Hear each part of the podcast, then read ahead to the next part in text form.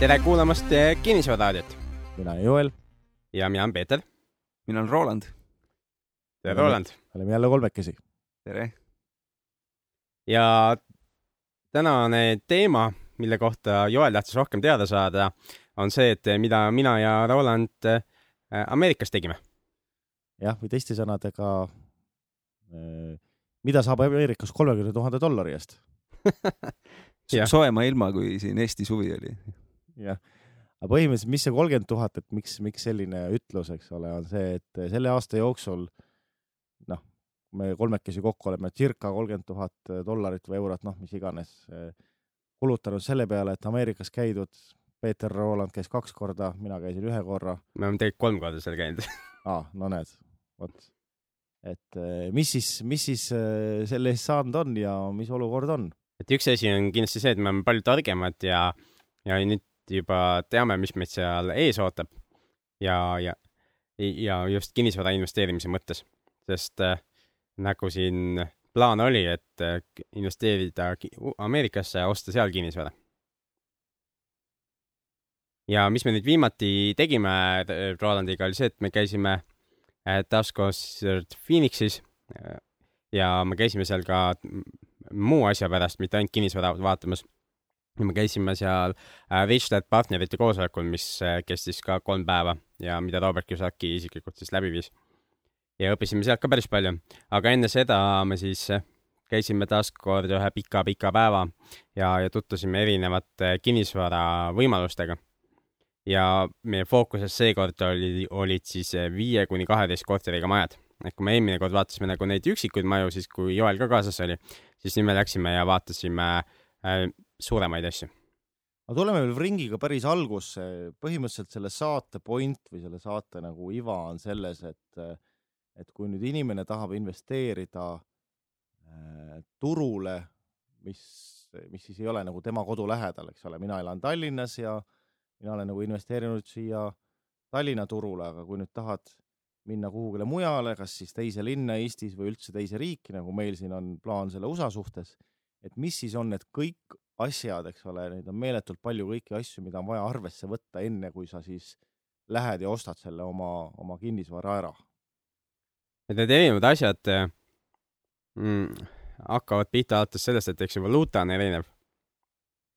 ja, ja teine asi on see, et me lähme väljapoole Euroopa Liitu ehk õigussüsteem on täiesti erinev.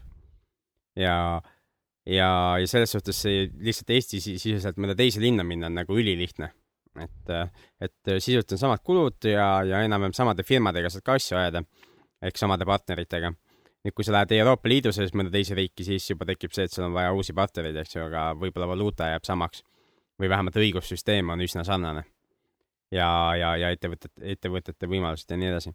aga nüüd minnes Ameerikasse, siis on absoluutselt kõik on nagu teistmoodi üks pluss Ameerika puhul on see, et enamus meist räägib inglise keelt ja nemad, enamus neist räägib ka inglise keelt, kuigi tegelikult seal on päris palju neid latiinosid, kes räägivad hispaania keelt, eks ole. just, et üks, üks asi, mis me õppisime, et kui sa tahad odavamaid teenuseid saada, eriti näiteks remondi või mingi muu asja puhul, kui hakata kunagi ise korraldama seal midagi, äh, mis, mis ei tundu hetkel küll mõistlik, aga, aga kui, kui tahaks, siis kindlasti oleks vaja hispaania keel ka selgeks saada ja, ja meie see kohalik sõber ka, kes meile jälle ringi näitas äh,, näitas neid maju ja kaasas käis meiega, ütles ka, et tal on plaanis nüüd septembris uuesti hispaania keele kursustele minna, et, et lihtsalt äh, on vaja.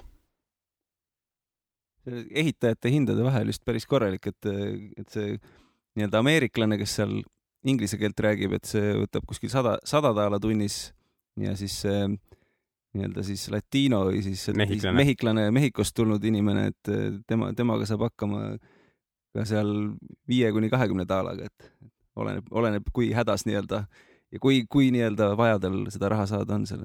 seda me õppisime juba eelmisel reisil, mis oli märtsis, et, et mis me nüüd nagu uut õppisime äh,, oli see, et me, noh, me nägime esiteks, et seal on, et kui, kui me niisuguseid üksikobjekte näeme siin Eestis ka, et üksikud korterid ja, ja üksikud majad, siis siis mis me nägime äh, nagu seda, et, et sihuke vahepealne asi on tõesti olemas, nagu vii-, viis kuni kaksteist või kakskümmend äh, korterit ja asjad ja me nägime, kuidas, kuidas need asjad nagu tegelikult välja näevad.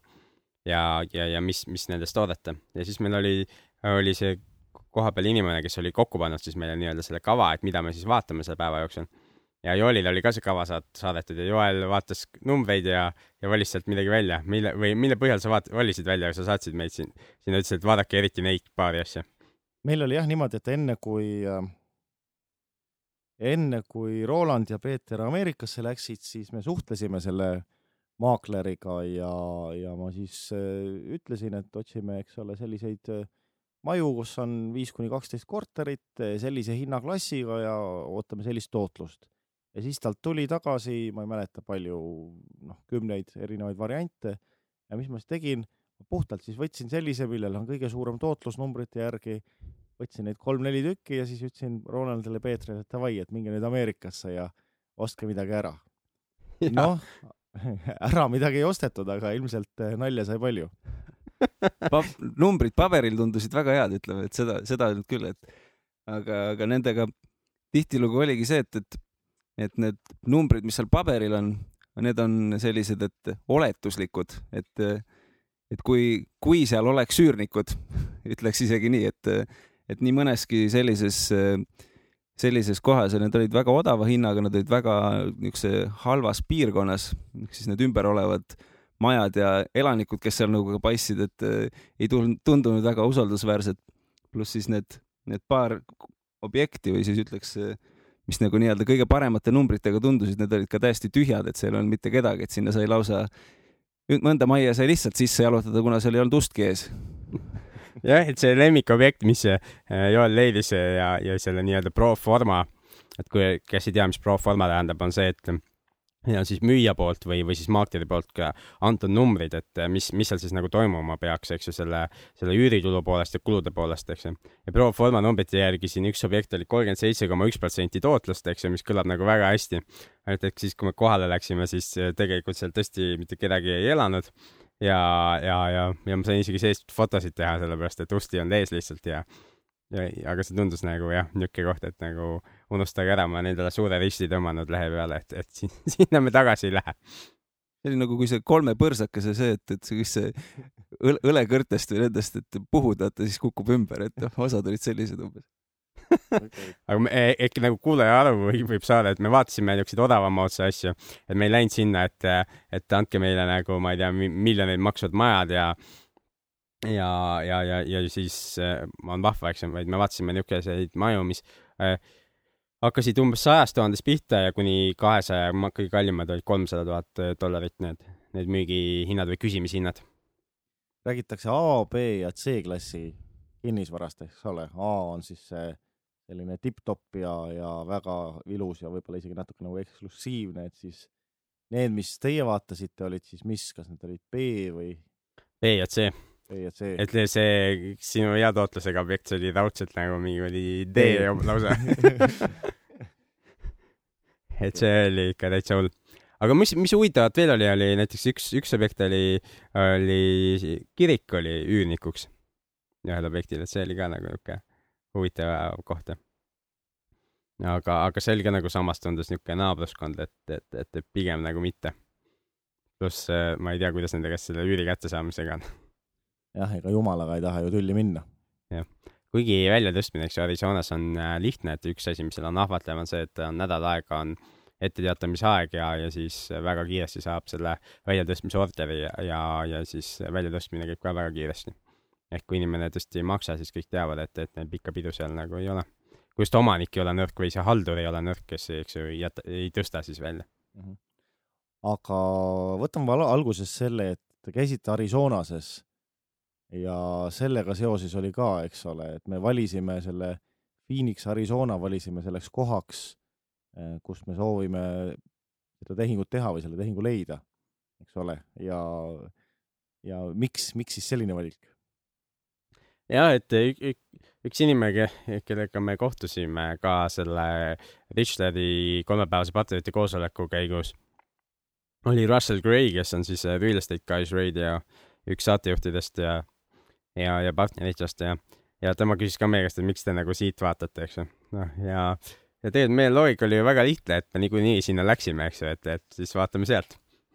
ja, ja et me käi-, seal kõige rohkem käime, eks ju ja, ja juba mingid tutvused ja kontaktid on nagu ees, et, et, et vaatame siis seda, seda turgu, eks ju. aga see ei, ei ole jah, võib-olla kõige pa- parem niisugune, niisugune argument. No tegelikult teine pool sellest oli ikkagi see ka, et, et me teame, et ka Ken McElroy omab seal kinnisvara ja, ja, ja ta nii-öelda piirkondadena pigem on nagu niisugune Kasvav nagu kasvav ja, ja nagu selline tugev, tugev koht, kus nagu, kus on nagu mingisugused nii-öelda sellised töökohad öö, olemas, mis, mis toovad sinna uusi inimesi, pluss see kliima, mis, mis toob sinna inimesi ja et, et seal nagu mingid argumendid on olemas, mis, mis selle kasuks ka räägivad et päris nagu lihtsalt selle pinnalt ei olnud, et oh, meil lihtsalt meeldib seal käia, et meil on sõbrad seal, et mm.. aga samas miinus, mis me, mis me ei olnud enne mõelnud ja, ja mis meile välja toodi, Russell meile välja tõi, oli see, et selles Phoenixi kogu selles alas, et seal ei ole mitte ühtegi töökohta, mida ei saaks ära viia. et seal ei, kõik need töökohad, mis seal on, et need on kõik ära liigutatavad, et seal kohapeal ei ole mingisuguseid loodusressursse peale päikese. eks ja, ja noh, et seal ei hoia neid mitte midagi neid ettevõtteid kinni tegelikult, et nad kõik võivad lihtsalt kokku ennast pakkida ja, ja ära liikuda. mis see ilm ja temperatuur oli, kui te seal käisite? umbes nelikümmend kraadi Celsiust. päris soe jah? hakkas palav küll jah. aga esimest korda me nägime seal paduvihma ja äikest, mis oli ainus periood aastas, kus neil sajab. ja mis tõi siis temperatuuri kolmekümne viie kraadi peale. no siis, siis oli ilmselt selline mõnus jahutav. ja, ja selles suhtes oli nagu, nagu lahe jah. aga see vihmasadu oli muidugi niuke, et, et see oli nagu piirkonniti, eks ju, et umbes selle kvartali kohal sajab ja maksimaalselt kakskümmend minutit, mitte nii nagu Eestis siin viimastel päevadel mitu päeva järjest, eks ju, sajab, vaid, vaid kuni kakskümmend minutit ja, ja, ja siis ainult ühes mingis väikeses kohas umbes pilveke tuli ja, ja sadas seal alla ja ongi kõik. et, et, et sõitsid jälle mõned kilomeetrid edasi või miilid edasi ja seal ei olnud mingisugusest vihmast mitte mingit märkigi. et eh, üldiselt on see kliima ikka seal väga niisugune kuum suvel, eriti suvel. ja tal-, talvel on, on soe lihtsalt. talveks, talvel veidi seal elab ka seal palju rohkem inimesi kui, kui suvel. et sinna tullakse väga palju talvituma. mis need temperatuurid talvel seal olla võivad? seal ikkagi vist pidi pluss kümme Celsius või midagi niisugust olema need miinimum, miinimumtemperatuurid, mis on, mis on juba jahe, aga alla selle ma saan aru, et oluliselt ei lähe. suurem osa aastast on ikka üle kahekümne. okei. no aga okei okay,, siis äh, käisite vaatamas objekte ja, ja mis siis veel silma jäi? mõnes, noh, mis meil silma jäi nagu oli see, et, et oli nagu täiesti normaalseid asju olemas ja, ja mõne nendest tegelikult ju võiks, võiks ju isegi osta. aga nüüd tekib see küsimus, et, et kuidas seda finantseerida. ja, ja üks niisugune asi, mille osas me väga palju targemaks saime, on see, et, et finantseerimine ikkagi, vähemalt koha pealt selle finantseeringu leidmine seal on väga keeruline välismaalasele. miks? sellepärast, et USA-s on olemas niisugune asi nagu krediidiskoor. Tegelikult on see Eestis ka olemas ja, ja krediidiinfost on võimalik saada, igaüks saab vaadata oma krediidiskoori. aga Eestis see ei ole eriti laialt kasutuses ja, ja, ja peaaegu keegi ei tea, mis see on. aga USA-s on see väga laialt kasutuses, on siis äh, niisuguseid krediidiinfo sarnaseid ettevõtteid, kes on mingi kolm-neli suuremat ja, ja, ja need väljastavad siis krediidiskoori inim-, inimestele. ja see krediidiskoor sõltub äh, väga palju siis äh, sellest, et kui palju on sul ütleme niisugust krediidiliini avatud, näiteks krediitkaardi limiit, ma ei tea, viis tuhat või kümme tuhat dollarit ja palju sa sellest oled ära kasutanud. et kui sul näiteks kümne tuhandene limiit ja sa oled ainult tuhande ära kasutanud, siis sul on see, on see skoor nagu ülevalpool.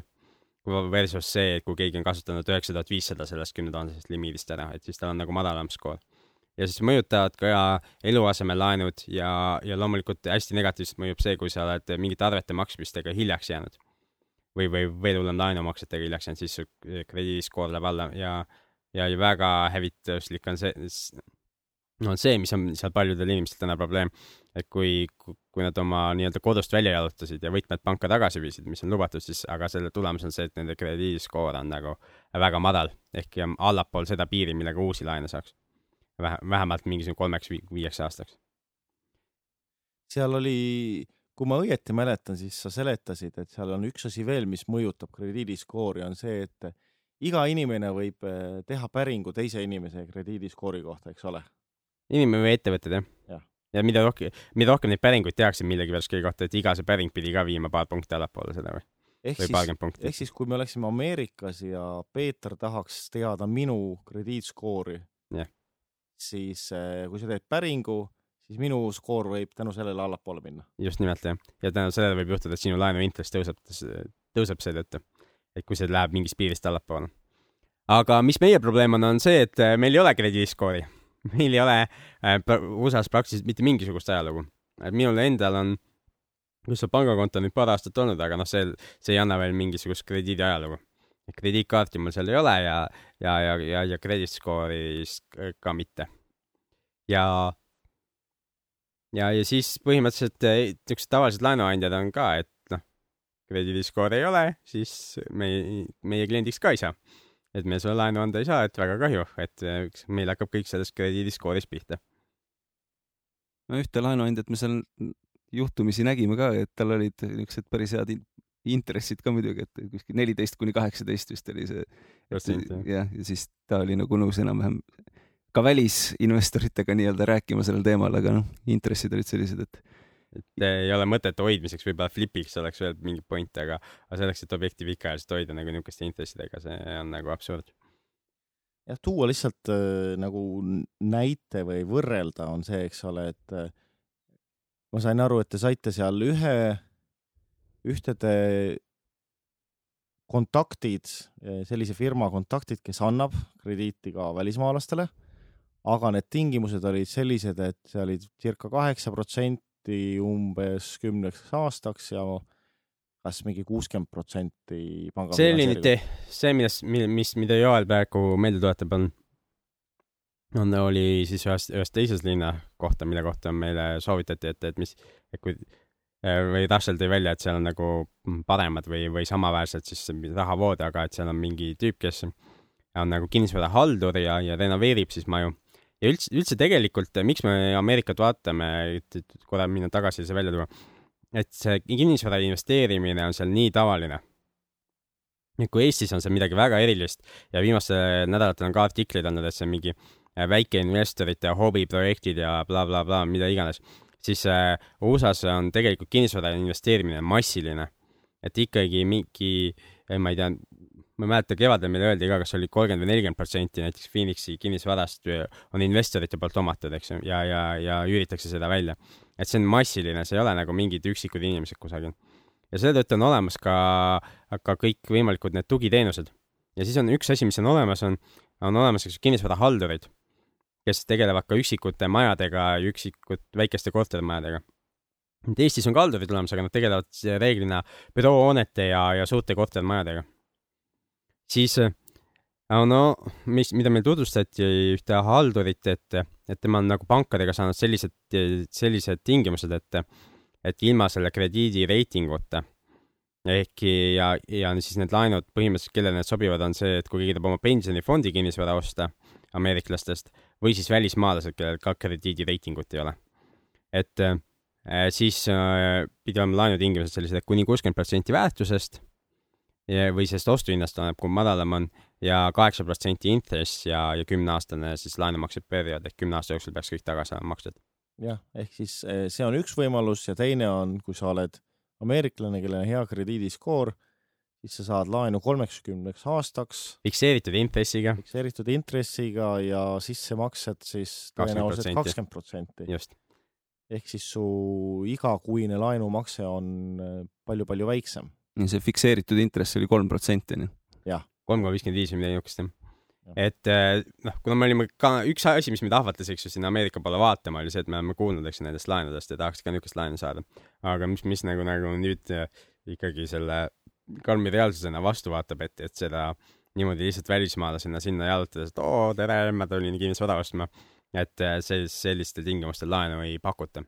Ja nagu ma aru sain, siis ameeriklastele endale ka, et neil on võimalik ühel inimesel on kuni neli vist võimalik saada niisuguseid laene. jah, see oli niimoodi, et enne kui see kinnisvarakrahh meil nüüd tuli siin, oli niimoodi, et ameeriklane sai kuni kümme, kümme kinnisvaralaenu võtta Mhm. ja peale seda krahhi siis seadust muudeti ja see on praegu siis kuni neli laenu.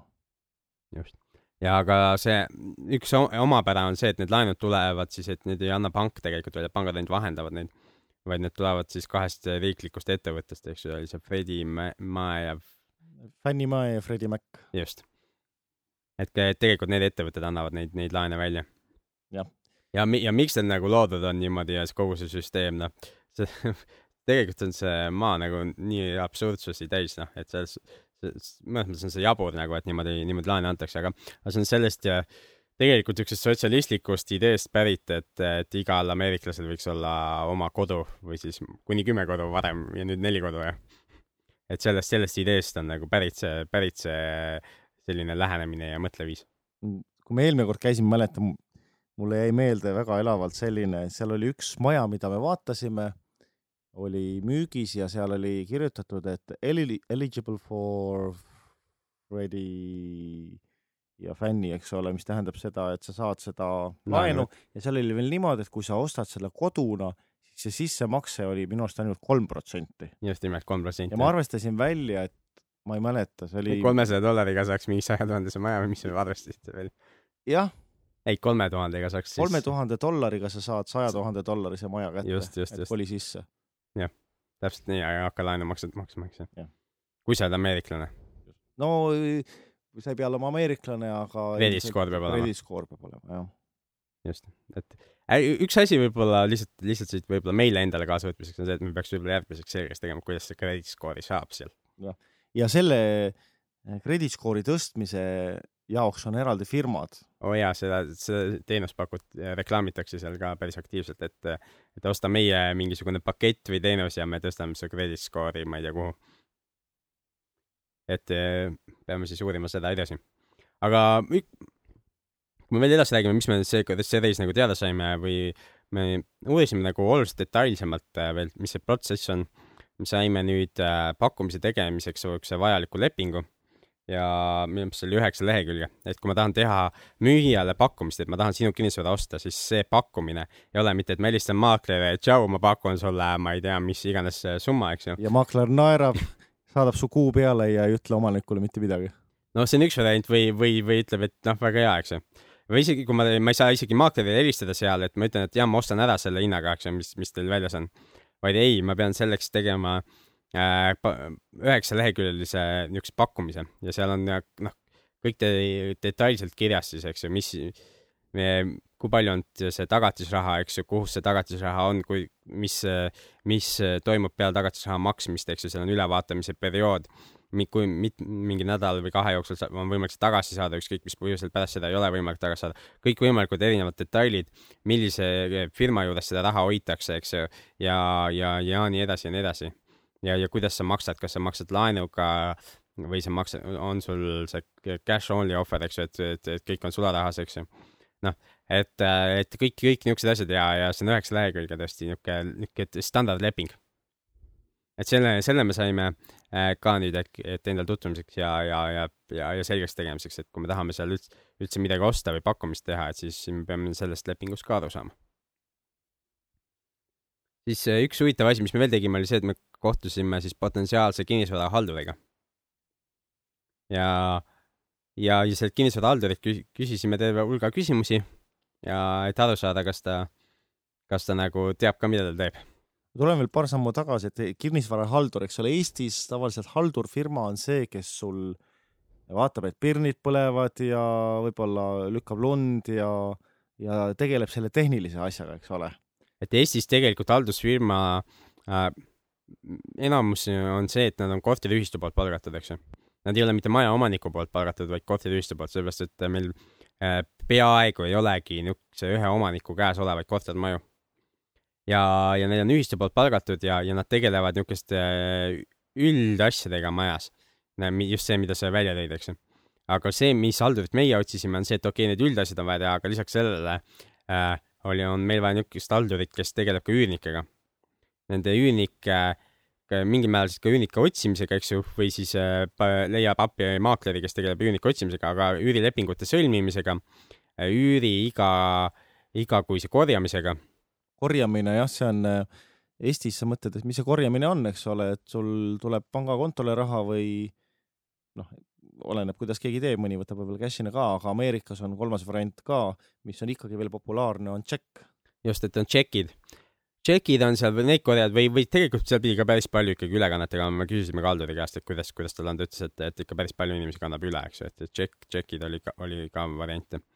tal oli, tal oli mingi konkreetne pank, kuhu ta nagu neid ülekandeid tahtis saada, et, et ta ise saaks tegeleda ainult ühe pangaga, et, et ei oleks nagu mitme erineva pangakontoga vaatamist ja, ja tegelikult selle halduri puhul seal oli, mis see, mis see nii-öelda positiivne on see, et, et tegelikult tema huvi on see, et see üür nagu tuleks et see oleks võimalikult suur nagu, sest et, sest tema, tema tasu sõltus otseselt sellest üürist just, et see mingi protsent laekunud üürist., laekunud üürist, et kui see laekumata jääb, siis jääb ka tema tasu saamata, nii et ta on väga motiveeritud, et see nii-öelda üürnik selle tasu ära maksaks.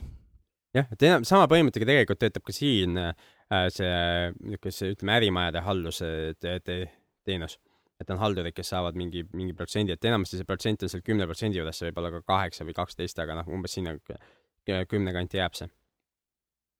ja siis äh, halduri käest me saime eh, siis selle halduslepingu, mis oli suhteliselt lühikene. minu meelest oli see mingi kolm-neli lehekülge, eks ju, see leping, mis meie halduriga peaks sõlmima ja siis me saime ka üürilepingu, et mis, mis siis inimesega sõlmitakse, see oli päris pikk. ma ei mäleta, kas see oli ka mingi kümmekond lehekülge. ja, ja ma küsisin ka et nagu tema käest, et mis mõ-, noh, et mis mõttes, et miks see nii pikk peab olema, siis ta noh äh, ütleski, et üürnikuga on vaja, noh, detailselt peab kõik paigas olema, et ei oleks midagi vaielda pärast seal. ja, ja leping peab olema siis noh, niimoodi korrektselt vormistatud, eks see on ka standardlepingud tegelikult, et ük, üks asi, mis neil olemas on, on see, et seal on äh, see kogu see kinnisvara äh, noh, valdkond on palju rohkem reguleeritud ja siis on mingid erialaorganisatsioonid või mingid asjad ja nende poolt on nagu mingid standardlepingud välja töötatud, mida siis kogu piirkonnas tegelikult kasutatakse. aga et jah, et selles üürilepingus on siis kõik paigas äh, detailides ja, ja kui ei maksa või mingi jama on, eks ju, siis saab sellega kohtusse minna ja, ja nii edasi. et, et see, need lepingud on ka vaja meil endal nagu läbi lugeda ja aru saada, eks ju, mis, mis, mismoodi need, need asjad seal käivad, noh, alati võib muidugi teha ka tehingu nii, et sa mitte millestki mitte midagi aru ei saa, et annad raha üle. aga üks asi äh, jällegi, millest meid on ka hoiatatud, aga, aga mis, mis on kindlasti väga lihtne, on see, et Ameerika on niisugune imedemaa, eks ju, et sa võid seal nagu teenida palju raha, aga sa võid ka lihtsalt sattuda mingisuguse petise otsa, kes võtab sinu raha vastu ja, ja kunagi rohkem sa teda ei näe, sellepärast et see riik on ikka nii tohutult suur, et kui keegi tahab selle ära kaduda, siis ta, siis ta kaob ära. ja, ja sul ei ole nagu teda mitte kusagilt, kusagilt taga otsida. eriti raske on olukord, eks ole, ütleme meie puhul, kes ei ela üldse riigis. just nimelt jah. et, et selle, selle tõttu on ka meie jaoks nagu, me oleme võtnud tegelikult hästi noh, suhteliselt aeglaselt, konservatiivselt, eks ju. ja, ja, ja igast asjast tahtnud aru saada, mitte et äh, anname raha üle ja poogen, eks ju, vaatame, mis edasi saab. vaid, vaid äh, tahtnud saada just kõiki neid äh, lepinguid ja asju kätte, et, et nendega tutvuda ja aru saada, kuidas, kuidas need asjad käivad. ja, ja siis saime ka näidis niisuguse aruande, mida, mida see haldur siis saadab nendele kinnisvara omanikele. Et kust, palju ta siis üüri sai, sai, eks ju, on seal peal ühelt poolt ja, ja palju siis mingeid kulutusi on, sest iga objektiga ka kindlasti kaasnevad ka kulutused. et ja üks asi on see haldustasu, aga, aga midagi ikka juhtub. territooriumil läheb midagi katki, on vaja välja vahetada või ka noh, tõsisemad asjad, näiteks kui see konditsioneer katki läheb, siis see on väga kiiresti vaja välja vahetada, eks ju, ükskõik mis hind parasjagu on, eks ju. või nagu Robert seal kolmepäevasel üritusel rääkis, kuidas tal oli Hawaii'l üks haldur olnud, kes ei tahtnud prügi ära viia. ja, ja, siis tulemus olid see, et varsti, varsti olid neil rotid seal ja siis eh, nii-öelda, mis Robert ja nemad hakkasid lõpuks tegema, oli see, et nad hakkasid seal nii-öelda neid rotte püüdma, onju, aga, aga lõpuks nad said aru, et et aga see ju ei lahenda üldse seda probleemi, et, et tegelikult on ju vaja see haldur välja vahetada, et meil on tegelikult on ju vaja, et see prügi ära viiakse, sest see, see probleem nii-öelda on, on ikkagi selle taga, mitte, mitte nende rottide. jah, et rotid ei ole probleem, vaid haldur on probleem. et see oli jah, selle Richard Barti koosoleku üks, üks Robert Kiyosaki niuke näide. aga veel midagi, Joel, mis sa teada tahaksid selle Ameerika seisukohta? ja mida me teistega saaksime jagada? Mina sain aru, et eh, kui te jagasite seal meie ideid, et mis me nagu plaanime ja, ja mis nagu mõtted on, noh, üks, mis oli tagasiside, oli see, et võib-olla lihtsalt eh, okei okay,, et et Phoenixisse ei tasu investeerida sellepärast lihtsalt, et sa seal käid, eks ole, aga noh, juba Roland rääkis ka, et noh, tegelikult see ei olnud ainuke idee. ja põhjus, aga siis me, ma sain aru, et teile öeldi ka, et selle asemel, et alustada eh, maakleriga läbirääkimisi ja objektide otsimist, et teile öeldi, et peaks kuskilt mujalt alustama hoopis. jah, et eh, Russell tõi välja nagu selle, selle pointi, mis ja seal tõesti on sügav point sees ja, ja, ja Eestis me oleme tegelikult noh, ise nagu ka sellest lähtunud, aga millegipärast seal nagu ununes ära ja, ja see Russelli point oli see, et alustage haldurist. et äh, kõigepealt leidke haldur, keda te usaldate ja kellega ko te tahate koostööd teha ja, ja siis äh, esitage sellele haldurile, mis ta ütles, niisugune võlu küsimus, jah. ja, ja et see küsimus oli see, et et haldurilt küsida, et mis, mil-, millise asja järgi on kõige suurem nõudlus ja mida sinul oleks kõige kergem hallata, et, et sellega oleks kõige vähem probleeme, kõige rohkem tulu. et, et, et, et halduri käest seda küsida ja, et haldur oskab seda öelda ja, ja miks ma ütlen, et Eestis olen tegelikult sellest samast lähtunud, Eestis ma olen ise ju tegelen, eks ju, haldusega ja, ja, ja samamoodi, eks ju, haldurina olen mõelnud, mida on kõige lihtsam ju välja üüri, üürida. kõige liht-, kõige lihtsam hallata, kus kõige vähem niisugust jama oleks, eks ju. ja, ja sama, ja samamoodi, kui minu poole nüüd siin mõned investorid äh, äh, pöördunud, eks ju, ja, ühe investoriga on tehing käiku läinud siis tegelikult tema ütles lihtsalt, mis summat ta tahab investeerida ja, ja lasi samamoodi minul leida ja otsustada, eks ju, mis, mis see kõige parem objekt selle jaoks on. Aga samas, kui me ise nüüd USA-sse läksime, siis me hakkasime millegipärast natuke teisest otsast pihta, et me hakkasime, oh, vaatame maju ja, ja küll me selle halduri ka hiljem leiame. nii et, et see oli nagu niisugune meeldetuletus ja niisugune ahaa moment, et õigus jah, eks ju, et ma ju tean seda, aga huvitav, miks ma seda ei rakenda mm. -hmm. väga hea point sellepärast ma küsisingi seda. Ja üks, üks suurem asi, mis me veel selle kogu selle reisi jooksul teada saime, oli, oli siis maksude ja see pool, et me saime, saime kokku siis Tom Wheelwrightiga, kes on ka Rich Dad advisor ja, ja siis nagu ka Robertile ja neile, Kimmile ja Rich, Rich Daddy Company'le päris palju nii-öelda maksualast nõu andnud ja.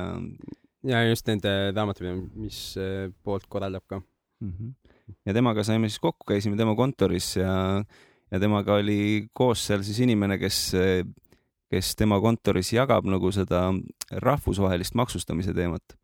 Just ja, ja sealt tuli muidugi palju uusi väljendeid, mina olin osadega või mina olin nendega enam-vähem nagu kursis, aga Roland oli, et aa okei okay,, et huvitav, mis need sõnad tähendavad? Jah, seal oli igast sõnu.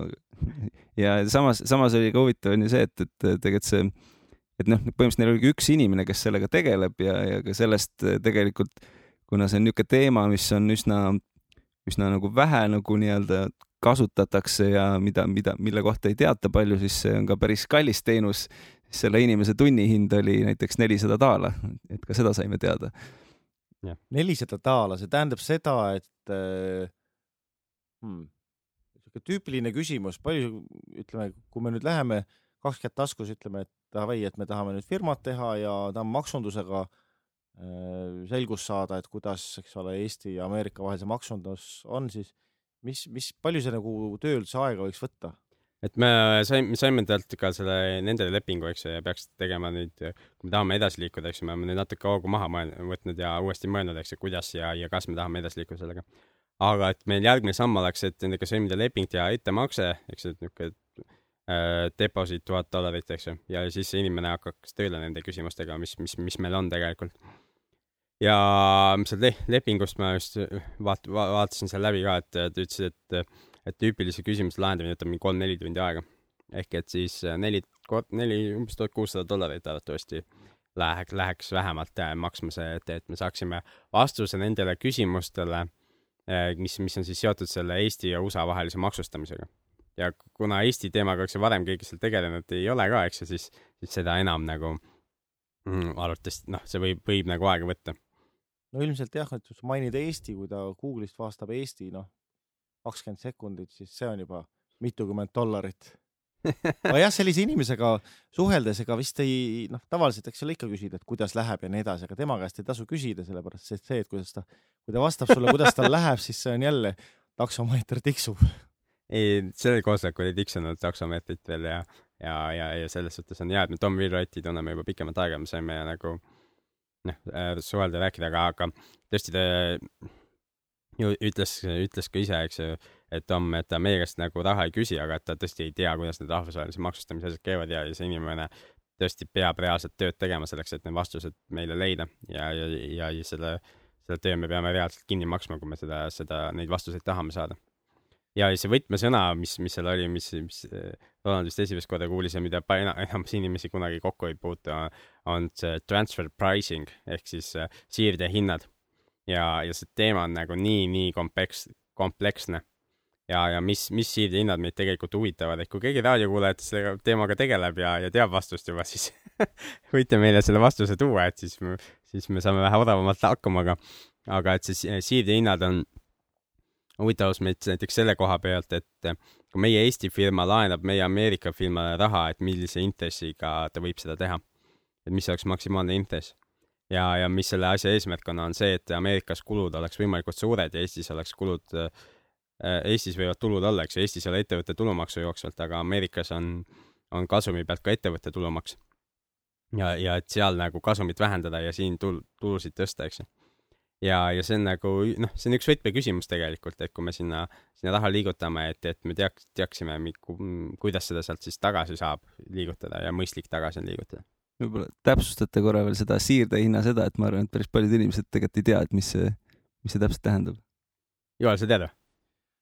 Mis sa kuulnud oled? minu päevatöös küll jah, me kasutame sellist asja nagu transfer pricing ja, ja mis põhimõtteliselt on, et äh, mina töötan firmas, mille emakontor on Eestist väljas ja siis Eestis tehakse tööd, mida siis see emakontor, kuidas ma ütlen, ostab Eesti firmalt.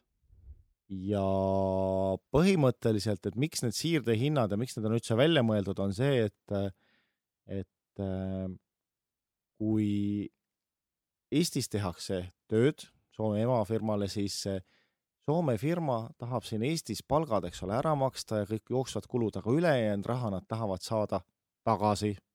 Nad tahavad saada selle enda kontole, sest see on see võit, eks ole, mis nemad teenivad. aga see võib ka teistpidi olla, Soome firmad võivad tahta ka Eestis hoida seda raha just nimelt. no, nojah, see on ükskõik kudapidi, eks ole, see oleneb sellest, et kes kellele arved esitab. see ei sõltu ka ainult sellest, et üks, kui ma nüüd raamatupidaja poole pealt korra, korra selgitan, miks see siirdehinnad on, on sellepärast, et äh, erinevates riikides on erinevad maksumäärad. ja see on üks aspekt asjast ja teine aspekt asjast on see, et iga riik tahaks saada mingisugust maksutulu. ja nüüd, kui neid siirdehindu ei ole, eks ju, noh, kõige paremini, kuidas siirdehindadest aru saada, on see, et vaadata, kui neid ei oleks, siis kui ma olen rahvusvaheline ettevõte siis äh, ma te- teeniksin kasumit seal riigis, kus on kõige vähem makse. näiteks Belize, kus on kaks protsenti tulumaksu, eks ju. ja, ja, ja teeniksin kogu kasumi seal, eks ju, ja, ja, ja teistes riikides üldse kasumit ei oleks. ja, ja sellisel juhul need teised riigid, kus ma tegutsen ja kus ma tegelikult võib-olla äh, põhiosa rahast teenin, need teised riigid ei saaks üldse makse minu käest. ja selle tõttu on siis äh, kehtestatud niisugused asjad nagu siirdehinnad ja, ja nendel hindadel ei ole mitte mingit pistmist nagu me, me aru saime, eks ju, et nendel ei ole tegelikult erilist pistmist selle tavaloogikaga või tavahindadega. et eh, need, nendel selles, nad ei ole ka päris nagu niisugune utoopia, aga nendel on seos nende tavaliste turuhindadega, aga kuidas neid määratakse, on, on pigem kaudselt, mitte, mitte nagu otse. ja selle tõttu neil ei pruugi olla mingit pistmist nagu, nagu nende reaalsete hindadega. ja, ja see siirdehinnad siis tekitavad selle olukorra, et, et kui sa näiteks a la, kui me Ameerikas saame kasumit, siis, siis me pea, peame seal makse maksma, sellepärast et me ei saa kogu kasumit niisama sealt välja viia. Ja me ei saa näiteks välja vii-, näiteks me ei tea, mis see laenu intress on, eks ju. et kui me anname siit sinna laenu, et kui, kui palju me saame intressi küsida. et kui sealt selgub, et see intress on näiteks, ma ei tea, viis protsenti, eks ju, noh, siis äkki jääb meil kasumit sinna, eks ju. aga me võib-olla tahaksime küsida kümme või kakskümmend protsenti, et kogu raha sealt ära tuua. eks ju, aga, aga need siirdehinna reeglid ei võib-olla luba meil üle viie küsida. Aga ma ei tea tegelikult, mis see, mis see protsent täpselt on. ja see protsent sõltub nagu asjaoludest ja see sõltub tegelikult ka väga palju sellest eh, konkreetse maksukonsultandist ja, ja raamatupidajast. et kui lõpuks Maksuametiga või Maksuameti revidendiga nagu vastamisi istutakse, et mis ta suudab ära argumenteerida sest tal on vaja mingi tõendusmaterjal korjata, et teised teevad ka umbes sellise hinnaga niisuguseid asju. ja selle tõttu see ongi hästi niisugune kompleksne ja, ja keeruline. Aga selle siidihindade asja eesmärk on puhtalt see, et, et riik, kus sa raha teenid, et see riik ka mingit maksutulu saaks. just. aga seoses selle maksundusega seotud ka vist üks õppetund, mis nüüd teil selle reisi ajal tuli, oli see, et eh, millega me arvestanud ei olnud oma kuludes, oli see, et eh, aasta lõpuks tuleb teha maksuaruanne. just, et USA-s on niisugune asi olemas nagu tax return ehk maksuaruanne nagu meie tuludeklaratsioon. aga seal on see palju kompleksne, komplekssem ja, ja, ja, ja, ja selle tõttu see maksab ka palju rohkem. ja, ja maksuaruanne tuleb, kui me teeme ettevõtte ja alustame seal tegevust, ükskõik kui vähe või palju me sealt tegevust teeme, me saime aru, et umbes niisugune miinimumsumma, summa, mida eriti veel selle tõttu, et meil see rahvusvahel, välismaa omanik on ettevõttel, et see mi miinimumsumma, mida me selle tax return'i eest peaks maksma, on umbes tuhat viissada dollarit aastas ja, ja pigem nad ütlesid, et esimesel aastal on see pigem rohkem. Et pigem, pigem kaks või kaks pool. et, et, et see õieti teha. ja, ja, ja maksuefektiivselt teha. ja selle tax return'il on nagu oma plussid ja miinused. et üks asi on see, et seda tuleb teha, aga minu jaoks oli üllatus nagu see, et seda ei tule mitte iga ettevõtte kohta teha ja, ja mida see tähendab, on see, et kui meil on üks ettevõte näiteks USA-s ja sellel on erinevad tütarfirmad ja ehk meil tekib nagu mingi grupp ettevõtteid, siis kogu selle grupi peale on ikkagi vaja ainult üks äh, see tax return teha. ja, ja kui ameeriklased ise seal eraisikuna omavad terve hulka ettevõtteid, siis nad teevad seda eraisiku tasandil. ehk nende ettevõtted nagu ei teegi seda, vaid, vaid ta teeb seda, tehakse nende kui eraisiku tasandil see tax return ja lihtsalt kõik kajastatakse seal kõik, kõik temale kuuluvad ettevõtted äh, ka selles, selles tax return'is ära. ehk äh, ühel tavalisel ameeriklasel on arvatavasti see kulu nagunii olemas see, selle tax return'i kulu. ja, ja, ja lihtsalt meie, kui me sinna lähme, siis meie jaoks oli see midagi uut, sest me ei ole harjunud selle eest maksma midagi, sest Eestis sa saad tuludeklaratsiooni ise ka tehtud, lähed sinna e-maksuametisse ja klikk-klikk-klikk ja valmis, eks ju. aga seal äh, võtab see oluliselt rohkem aega ja on oluliselt keerulisem äh, sellise asja tegemine. ja ma sain aru, et üks asi, äh, mis on niisugune keeruline valdkond, on just kinnisvara valdkond, millesse meie tahame siseneda kus need tax return'id äh, on eriti oluline, kuidas seda vormistada, et see maksu, mak-, kui palju me peame makse maksma, et see sõltub väga palju sellest, kuidas see, see tax return ehk, ehk see tuludeklaratsioon seal tehtud on. jah, üks näide, mis on Ameerikas, on selline asi nagu amortisatsioon vist eesti keeles, eks ole?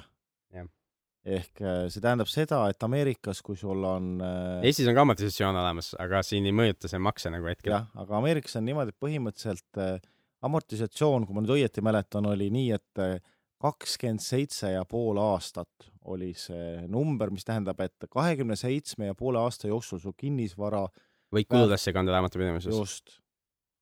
jah, aga siis on seal võimalik, mida, mis Eestis ei ole nagu tähtsust omanud, eks ju, on see, et on võimalik teha see, kuidas see oli, cost segregation ehk siis äh, on võimalik maja juppideks jagada raamatupidamises, eks ju, et äh, võtad nagu need maja ise, eks ju, ja, ja siis äh, mingisugused kuluvad osad ja, ja siis võib köögimööbli eraldi, eks ju, ja, ja siis veel külmkapi ja, ja, ja mikrolaineahju ja mis seal sees on, eks need asjad veel eraldi, eks ju. ja see idee on selles, et kiirendada. just, et kiirendada, et seda, seda, seda külmkappi võid võib-olla viie aastaga kuludesse kanda ja nii edasi, eks ju, et, et on võimalik kõik, võimalik selliseid asju ka teha, et, et saavutada väiksem maksukoormus. ja, ja, ja kõik see nagu maksab, et, et keegi, kõigi niisugused asjad läbi, välja mõtleks nii et me saime nagu selgeks, et kui me tahaks osta nagu ühe pere elamut või niisugust mingit väikest maja, et siis, siis me nagu pigem maksaks peale sellele, et, et niisugust positiivset rahavoogu sealt eh, saada ei ole võimalik ja see on nagu see ka, mis meie optimismi on natukene alla tõmmanud, et kui, kui raadiokuulaja kuulab tänast saadet, siis, siis meie toonis ei ole niisugust hullu optimismi, et juu, lähme ostame, nagu, nagu siin mõned kuud tagasi veel oli. aga, aga aga see pluss, noh, aga teiselt poolt on see jälle, et see kulu ei suurene oluliselt sellest, kui meil neid maju oleks seal kaks, kolm, neli, viis või kümme või sada tükki. et see, selle, selle, selle tax return'i ja niisugused püsikulud, need jääksid nagu samaks enam-vähem. teine asi veel, mis me saime teada, on see, et, et ettevõtetel on aastamaks ja need aastamaksud on ka erinevad. et, et olenevalt siis osariigist on mingi aastamaks, mida sa pead maksma sellele osariigile iga aasta. selle eest, et sul on ettevõte. ehk eh, see, ja need on ka, ma saan aru, mingi kahesajast kuni viiesaja dollarini, kuussada dollarit võib-olla. iga aasta pead maksma nagu sellele osariigile. eks see tekitab ka jälle selle mingi ühe väikse maja ostmine nagu noh, et see ei, sellel ei ole nagu mingit mõtet, et see, selle pigem maksad, maksad nagu pealetäiega. aga samas äh, jälle suurem kogum, eks ju, siis, siis on nagu pointis ja see oli ka üks põhjus, miks me seekord ju neid kortermaju vaatasime. et me, me juba aimasime ja saime aru, et see ühe majaga me vist ei jõua kuhugi. ja, ja selle tõttu võt-, võt-, ütlesime, eks ju, enda maaklerile selle, et, et vaatame nagu samm kõrgemaid asju. ja, ja tegelikult noh, seal on point olemas, et need tootlused mõnes, selles mõttes minu meelest on, on, on samaväärsed või, või, või paremad kui Eestis ja ainult, et siin ei saa, ei saa alustada nii väikeselt, ei saa alustada nii, nagu me siin oleme alustanud, eks ju äh,, eks Joel siin ühikatubadega, eks ju äh,, Roland ka ühe, ühe-kahe korteriga, eks ju, minul, minul ka, eks ju, ühe korteriga oleme alustanud, eks ju. et meil ei ole mõtet Ameerikasse minna sinna ühe korteriga alustada, et see peab olema midagi suuremat või see peab olema mingi, mingi suurem kogus majasid. ehk mis ma ise ette kujutan, on see, et, et ja me otsime veel mõttekaaslasi siitsamast Eestist või mujalt, mujalt maailmast ja, ja, ja vaatame, et kas me saame äkki suurema seltskonnaga äh, pannes kapitali kokku minna ja, ja, ja siis kohe osta siis midagi suuremat, ma ei tea, viis, kümme, kakskümmend ühikut. sest sellisel juhul see protsentuaalselt, noh, need samad püsikulud, need ei ole enam nii märkimisväärsed.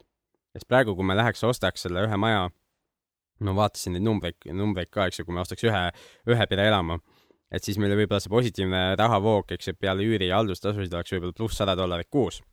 aga samal ajal tax return, eks ju, võtaks tuhat viissada, eks ju, see ettevõtte aastamaks võib-olla veel kakssada kuni viissada, ehk meil oleks mingi kaks tuhat, kaks tuhat viissada oleks kulusid ja tuhat kakssada oleks tulusid.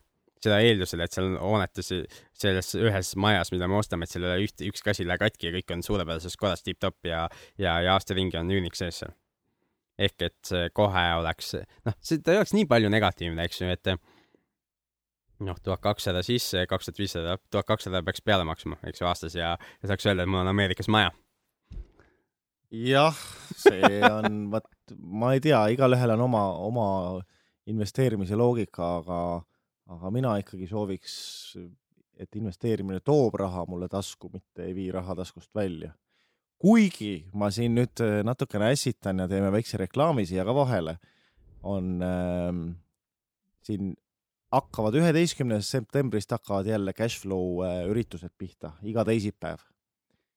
ja seekord uues kohas. just, et äh, Cashflow klubiga alustame siis üksteist september Radisson Blue hotellis, teisel korrusel ja, ja kella seitsmest kella kümneni toimub see üritus ja, ja lisainfot leiab www.cashflow.ee. ja, ja seal lehel saab registreerida ka ennast.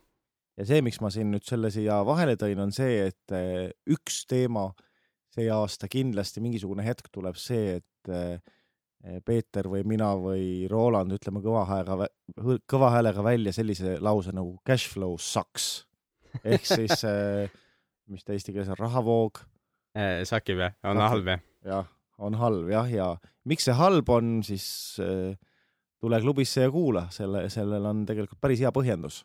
just, et see on jälle koolituselt äh, pärit niisugune teadmine, mis pani jälle natuke teise nurga alt asju, asju vaatama. ja, ja, ja see sügis meil on plaanis Cashflow klubis üks rohkem niisuguseid koolituse, koolituse teisipäevi ka teha ja Joel lubas mõnda läbi viia nendest jah, ma e. eriti kinnisvara matemaatika ja, ja mingid muud niisugused teemad, milles, millesse mi, mina ja Roland nagu ei, ei viitsi väga niimoodi süübida pikalt või noh, ma ei saa öelda, et me seda matemaatikat läbi ei tee, aga ma ei, mulle ei meeldi seda, sellega nii, nii põhjalikult tegeleda, kui Joel selle on ette võtnud. jah, nii et äh, õppige Excel selgeks, et, äh, et siis hakkame e-, Excelit harjutama kõvasti. okei okay., ja ja, ja eks see on niisugune baasasi, mida on kindlasti vaja, eks ju, kui, kui objekti analüüsida. nojah, sest tegelikult ikkagi äh, otsused, investeerimisotsused peaksid väga palju põhinema ju numbritel, sest see, et kas sul see maja meeldib või piirkond meeldib, noh, see on tegelikult vähem tähtsam, sest kui su investeerimise idee on ikkagi äh, raha juurde teha mm, -hmm. siis äh, numbrid on need, mille põhjal see otsus enamasti tehakse just, et äh, Russell Gray tuletas ka meile meelde, et, et peaks nagu numbreid vaatama, et mitte seda, et kus teile me endal meeldib käia. Aga mis mis- seal lause seal oli, et tee arvutused ja arvutused ütlevad, et mida teha, onju. just, do the math and math will tell you what to do. just, aga olles siin Eestis, eks ju, ja alustanud ise kodu lähedalt, mis on alati nagu hea mõte, eks ju, siis sa oled alati harjunud ju kõiki asju üle vaatama, eks ju, ja, ja ise käe külge panema ja nii edasi, et, et sellest samast mõtteviisist nagu jõuda selleni, et ma vaatan ainult numbreid ja, ja, ja ma võib-olla elu sees ei näe seda maja, millesse ma investeerin. ja et, et sinna on nagu pikk, pikk maa minna, ma arvan. ja, ja, ja see vajab nagu niisugust kohanemisperioodi ja vähemalt ma ei tea, esimesi asju Ameerika mandril ma ikkagi, ikkagi tahaks näha. ka ennem, kui nagu see raha sinna sisse läheb.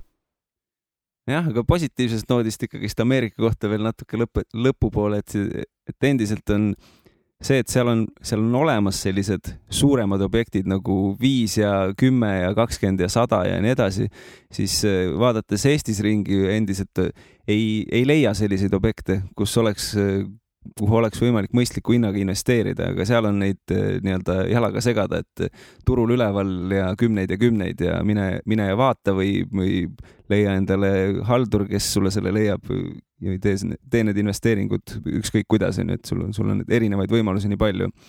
ja, ja see endis, endiselt nii-öelda motiveerib nagu selle USA asjaga tegelemast ja, ja nii-öelda hoida nii-öelda neid probleeme, mis meil praegu on tekkinud, et eh, kui me need nüüd suudame ära lahendada, siis see on jälle meil uus võimalus ja, ja nii-öelda teha sellest probleemist võimalus. kui nüüd asi kokku võtta, eks ole, me alustasime sellega, et äh, kuidas me oleme kolmkümmend tuhat ära paigutanud, siis äh, sellesama teemaga veel jätkata on see, et äh, tegelikult see, mida me nüüd avastanud oleme siin viimase poole aasta jooksul, on see, et see ei ole naljategu minna ja investeerida kuhugile välja, et eks ole, lähed, lendad kohale, võtad suvalise kinnisvarafirma ette, näitad näpuga, et ma tahan selle korteri ja ja peale seda oled, eks ole, õnnelik kinnisvara omanik, et tegelikult asi ei ole nii, et et asi ei ole nii kerge, et kui me kui võib-olla sularahas minna nagu ja et sul on kõik raha olemas kohe ja, ja, ja sellest tootlusest väga ei hooli, siis, siis võib-olla saab nii ka. nojah, aga tegelikult see raha on ju ainult üks asi, seal on kõik, mis toimub enne seda, see protsess mm. -hmm. kuidas sa selle omanikuks saad ja mis toimub pärast seda, sest see, selle hetkeni või see, see hetk, kui, kui sul see korter on käes, eks ole, siis tegelikult eh, õige tegemine hakkab alles pihta, sellepärast et sinu kui investori eh, ülim eh, eesmärk on saada sellest tootlust, eks ole, ja kui sina oled kuskil maailma teises otsas, siis see võib olla päris keeruline. jah, see võti on seal ikkagist see meeskond ja see meeskonna kokku panna, et sellega me tegelikult oleme ka tegelenud siin praegu ja noh, näha on ja teada oldi juba varem, et see tegelikult see ei ole nii lihtne ja kuigi meil, meil on selles suhtes nagu tugev eelis, et meil seal on mingid, mingid kontakte juba olemas olnud ja nüüd ka juurde oleme neid saanud, et, et kui me oleks nagu täiesti nullist läinud, siis ma arvan, et see oleks nagu veelgi keerulisem, et tegeleks tükk aega kõigepealt sellega, et leida üldse inimesi, keda natukenegi usaldada, sest et tegelikult see, seal neid, neid inimesi on palju ja, ja nende hulgas on ka palju selliseid inimesi, kes tõesti, sa lähedki oma rahaga sinna ja sa jääd sellest ilma lihtsalt väga kiiresti. ja et sinna ei tasu minna nagu, et kuna mul on, mul on palju on raha ja ma ei tea, mis sellega teha, eks ju. siis leidub kiiresti keegi, kes teab. et jah, võti on see ikkagist see meeskond siin seal kokku panna ja, ja, ja siis on võimalik ka kaugelt nii-öelda investeerida ja need asjad toimivad.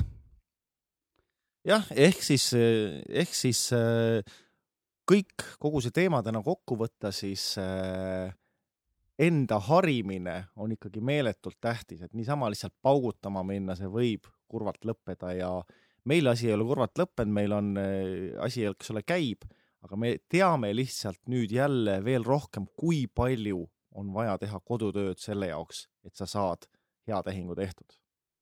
just, ja eks me hoiame meie saate kuulajaid ka kursis, kui me jälle mingeid edusamme oleme teinud. ja ma usun, et võib-olla järgmine aasta juba millalgi äkki paneme kokku mingisuguse eh, grupi huvilistest, kes tahaks tulla sinna ja näha, mis, mis Ameerikas toimub. sest eh, mingid kontaktid on meil tõesti juba olemas ja, ja, ja kodutööd tehtud ja, ja, ja, ja nii nagu me oleme ise käinud vaatamas erinevaid asju. just selle, selle eesmärgiga, et oma silmi treenida, üldse aru saada, mis, mis endast kujutab USA kinnisvara, sest see on väga erinev Eesti kinnisvarast. Et siis ma usun, et, et järgmine aasta mingi hetk me korraldame äkki mingi ühise, ühise mineku sinna jälle. jah, ja see, ja see mõte oli see, et, et üks asi on, et vaatame seda kinnisvara ja teine võimalus ongi, et näha natuke kogu, kogu seda USA nagu olemust ja sellest aru saada ja, ja Just. sinna, sinna tuleks ka see, et me käiks läbi üks niisugune hea tiir, mis me oleme ise Peetriga läbi sõitnud, et, et, et Grand Canyonit läheks vaatama ja käiks ka kindlasti sellest põhimeelelahutuskohast nagu Las Vegas läbi, et selle jätaks niimoodi kogu selle tuuri lõpetuseks ja, ja selles suhtes oleks nagu niisugune kihvt, et niisugune üks renditud buss on ju, millega me sõidame kõik koos ringi. ja seda Ja me oleme proovinud nagu- nagu..., see töö, töötab nagu väga hästi, et see, see on, see on, see on väga lahe, lahe.. just. aga kui keegi on sellest huvitatud eh, sellisest eh, tripist, reisist, siis võite meile ka kirjutada saade, et kinnisvararaadio.ee ja, ja jätame teie kontaktid meelde ja, ja, ja kuna kunagi see asi teoks saab, siis anna, anname teada sellest võimalusest eh, osaleda. aga mis meil saate lõpuks veel öelda on, on see, et et eh, ootame teid hea meelega Cashflow klubisse, sest Cashflow klubis me iga teisipäev hakkame ka kinnisvara teemasid puudutama, kindlasti ka muid teemasid nagu ettevõtlus ja, ja, ja toorained ja, ja väärtpaberid ka aeg-ajalt. aga kinnisvara on üks, üks meie lemmikteemadest ja, ja olete oodatud siis Radisson Bluesse teisipäeval, üheteistkümnendal septembril. ja, ja see on hea võimalus eh, teil meiega ka kohtuda reaalses elus ja, ja, ja paar sõna juttu rääkida ja, ja, ja, ja kuulda veel, mis meil jagada on. ja, Ja- ja esi, esimene, esimene kohtumine siis üheteistkümnendal ongi, et me räägime, mis siin tehtud on suve jooksul. suve aasta jooksul, kes midagi teinud on ja võta kindlasti oma lugu ka kaasa, ehk siis mida sina oled teinud, kui sa oled mõne tehingu teinud, ostnud midagi, müünud, rentinud, mis iganes, siis eh, tule ja räägi meile sellest. just nimelt ja kohtumiseni üheteistkümnendal septembril. aitäh kuulamast! kohtumiseni